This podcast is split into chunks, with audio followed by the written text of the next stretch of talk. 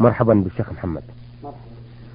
الشيخ آه محمد هذه رسالة وردتنا من آه المستمع عبد الله محمود محمد آه من قضاء الحمودية في العراق. طبعا بعث بهذه الرسالة يقول هل يرى المسلم أو المؤمن في الحلم رسول الله صل رسول الله صلى الله عليه وسلم أم لا يرى رسول الله صلى الله عليه وسلم في الحلم وإني سامع من العالم الديني يقول المؤمن الإيمان القوي يراه الحمد لله رب العالمين والصلاة والسلام على نبينا محمد وعلى آله وأصحابه أجمعين. نعم آه الإنسان قد يرى النبي صلى الله عليه وسلم في المنام. وليس من شرط الإيمان أن يرى النبي صلى الله عليه وسلم ولا من مقتضيات الإيمان أن يرى النبي صلى الله عليه وسلم بل قد يراه الإنسان المؤمن وقد لا يراه. وكونه يرى النبي صلى الله عليه وسلم لا يدل على أنه أكمل الناس إيمانا وكونه لا يراه لا يدل على ضعف إيمانه. ولكن المهم أننا لا نحكم بأنه رأى النبي صلى الله عليه وسلم حتى يراه على صفته التي هو عليها صلى الله عليه وسلم. فأما إن رأى شخصا ووقع في نفسه أنه النبي صلى الله عليه وسلم أو سمع من يقول إنه النبي صلى الله عليه وسلم فإن ذلك لا يدل على أنه هو النبي صلى الله عليه وسلم إذا لم يكن على الأوصاف التي كان عليها صلى الله عليه وسلم. نعم. وهذا شرط لا بد منه وهو أن يكون المرئي الذي رآه الإنسان أوصافه تنطبق تماما على أوصاف النبي صلى الله عليه وسلم. فإن بعض الناس يرى شخصا يقع في نفسه أو يسمع قائلا يقول إن هذا رسول الله وليس هو رسول الله صلى الله عليه وسلم لأن أوصافه لا تنطبق على أوصاف الرسول صلى الله عليه وسلم. نعم. آه أيضا لديه سؤال آخر يقول إني شاب من العمر 22 سنة أبلغ هل يجوز أن أحج بيت الله قبل الزواج؟ وإني ما عندي رغبة الزواج. ومن الناس من يقول إن هذا لا يجوز وليس يكون حجا مقبولا. ردوا علي الجواب وفقكم الله. ليس من شرط صحة الحج أن يتزوج المرء بل يصح الحج وإن لم يتزوج. ولكن إذا كان الإنسان محتاجا إلى الزواج ويلحقه بتركه مشقة وعنده دراهم إن حج بها لم يتمكن من الزواج وإن تزوج لم يتمكن من الحج فإنه في هذه الحال يقدم الزواج لأن الزواج في حقه حينئذ صار من ضروريات حياته. والحج إنما يجب على من استطاع إليه سبيلا. وما سمعه من العامة من أن الإنسان لا يحج حتى يتزوج فليس بصحيح. آه رسالة وردتنا من عبد العزيز محمد عبد القوي من جمهورية مصر العربية. يقول آه في رسالته الطويلة مجملها يعيب العلماء أو بعض العلماء على المسلم الذي يصوم ولا يصلي. فما دخل الصلاة في الصيام؟ فأنا أريد أن أصوم لأدخل مع الداخلين مع باب الريان ومعلوم أن رمضان إلى رمضان مكفرات لما بينهن. آه، أرجو التوضيح عبر برنامجكم وفقكم الله. الذين عابوا عليك أنك تصوم ولا تصلي على صواب فيما عابوه عليك وذلك لأن الصلاة عمود الإسلام ولا يقوم الإسلام إلا بها. والتارك لها كافر خارج عن ملة الإسلام والكافر لا يقبل الله منه صياما ولا صدقة ولا حجا ولا غيرها من الأعمال الصالحة. لقول الله تعالى وما منعهم أن تقبل منهم نفقاتهم إلا أنهم كفروا بالله وبرسوله ولا يأتون الصلاة إلا وهم كسالى ولا ينفقون إلا وهم كارهون. وعلى هذا فإذا كنت تصوم ولا تصلي فإننا نقول لك إن صيامك باطل غير صحيح ولا ينفعك عند الله ولا يقربك إليه. وأما ما توهمته من أن رمضان إلى رمضان مكفر لما بينهم بينهما فإننا نقول لك إنك لم تعرف الحديث الحديث الوارد في هذا. فإن رسول الله صلى الله عليه وسلم يقول رمضان الصلوات الخمس والجمعة إلى الجمعة ورمضان إلى رمضان مكفرات لما بينهن ما اجتنبت الكبائر. فاشترط النبي عليه الصلاة والسلام لتكفير رمضان إلى رمضان اشترط أن تجتنب الكبائر.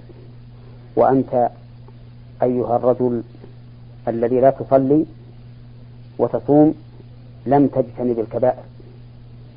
فأي كبيرة أعظم من ترك الصلاة؟ بل إن ترك الصلاة كفر. فكيف يمكن أن يكفر الصيام عنك؟ ترك الصلاة وهو لا يقبل منك لأنك كافر والعياذ بالله. فعليك يا أخي أن تتوب إلى ربك وأن تقوم بما فرض الله عليك من صلاتك ثم بعد ذلك تصوم نعم. ولهذا لما بعث النبي عليه الصلاة والسلام معاذا إلى اليمن قال ليكن أول ما تدعوهم إليه شهادة أن لا إله إلا الله وأن محمد رسول الله فإنهم أجابوك لذلك فأعلمهم أن الله فرض عليهم خمس صلوات في كل يوم وليلة فبدأ بالصلاة ثم ثنى بالزكاة بعد ذكر شهادة أن لا إله إلا الله وأن محمد رسول الله نعم. آه هذه الرسالة وردتنا من المستمع من جدة ميم ميم صاد يقول آه أسأل إذا جئت وإنسان يصلي ولحقت معه ركعتين وسلم وجاء شخص ثاني أهل يحق له أن يصلي خلفك أم لا؟ يجوز للشخص الثالث الذي أتى إليك بعدما قمت تقضي صلاتك بعد الأول يجوز له أن يدخل معك لأن القول الراجح أن الإنسان إذا صلى منفردا ثم جاء آخر فصلى معه فنوى به الإمامة أن ذلك صحيح لأنه ثبت عن رسول الله صلى الله عليه وسلم من حديث ابن عباس أنه قام يصلي من الليل فقام ابن عباس رضي الله عنهما فوقف عن يسار النبي صلى الله عليه وسلم فأداره عن يمينه. بل أداره إلى يمينه. واستمر صلى الله عليه وسلم في صلاته. فدل هذا على جواز انقلاب نية المنفرد إلى إمامة.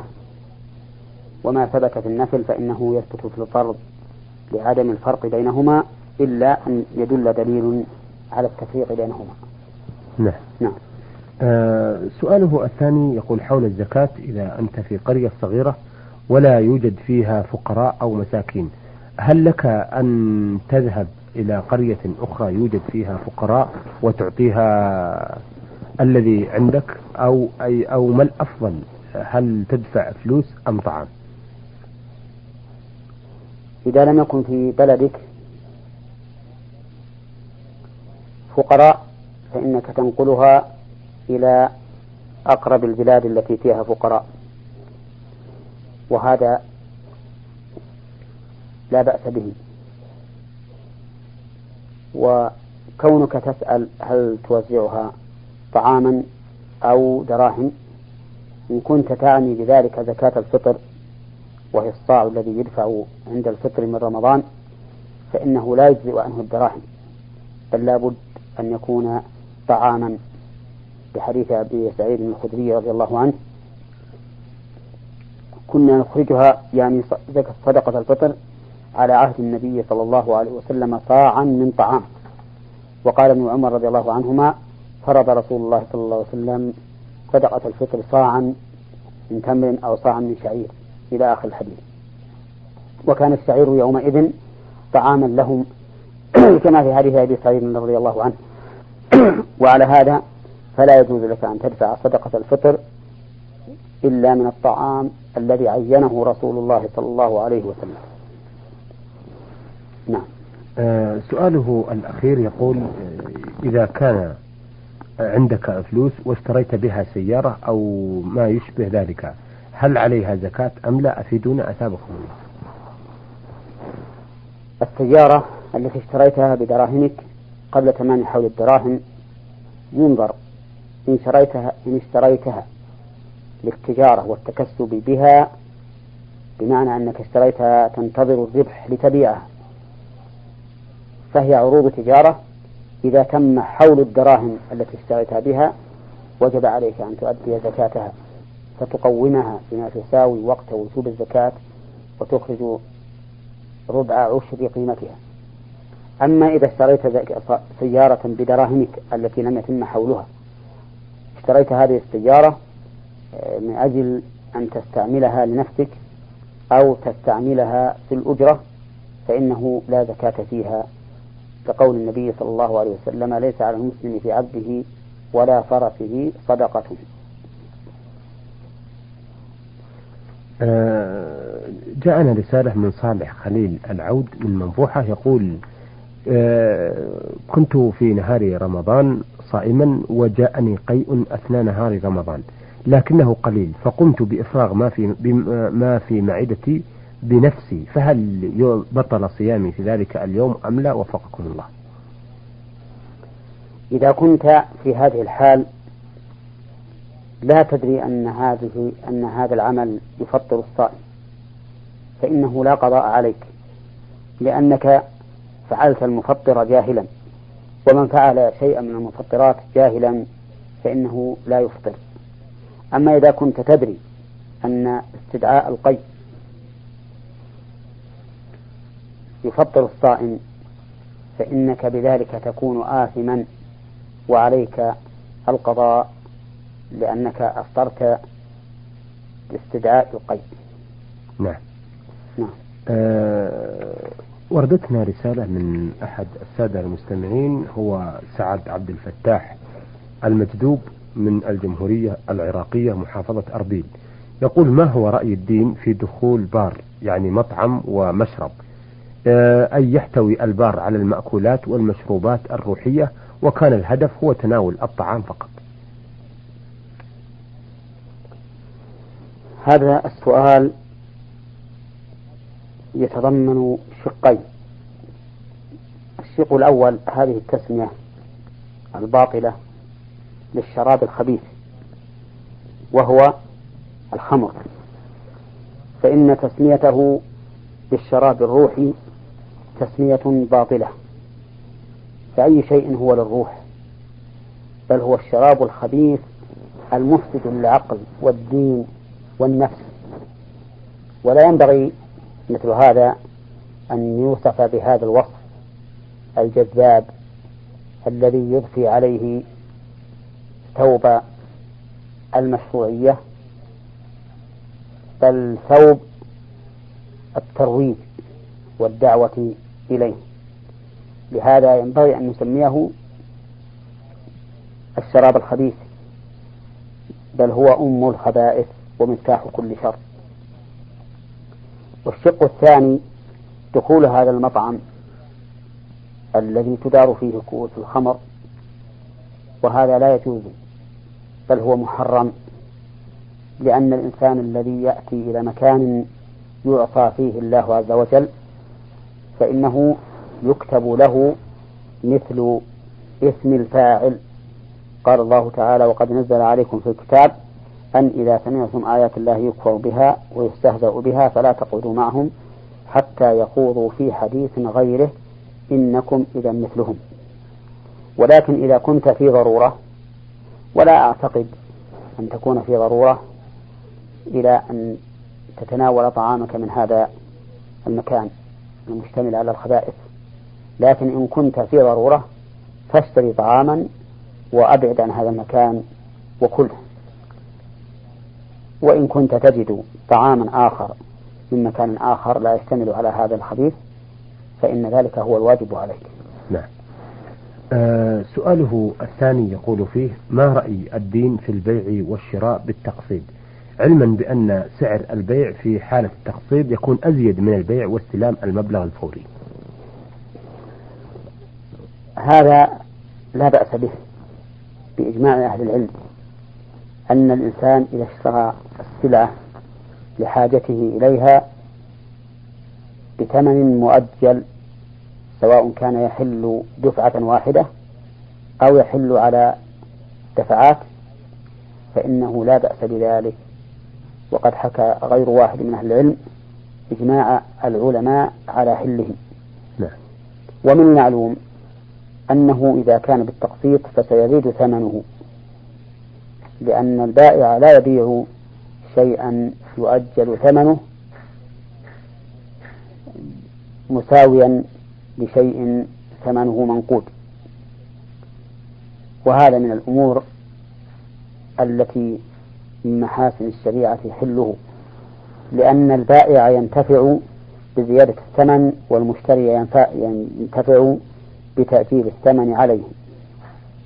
وأما إذا تم البيع على أنه نقد ثم جاء المشتري إلى البائع وقال أجله علي بزيادة فإن هذا لا يجوز لأنه من الربا. مثل أن يبيع عليه هذه السيارة بعشرة آلاف مثلا ثم لا يجد المشتري هذه العشرة فيرجع إلى البائع ويقول لم أجد العشرة ولكن أجلها علي باثني عشر باثني عشر ألفا. فإن هذا لا يجوز لأن المشتري ثبت في ذمته دراهم حالة فتأجيلها بزيادة عين الربا فيكون محرما. نعم. شكرا أثابكم الله. أيها المستمعون الكرام إلى هنا نأتي إلى نهاية لقائنا هذا الذي عرضنا فيه رسائل.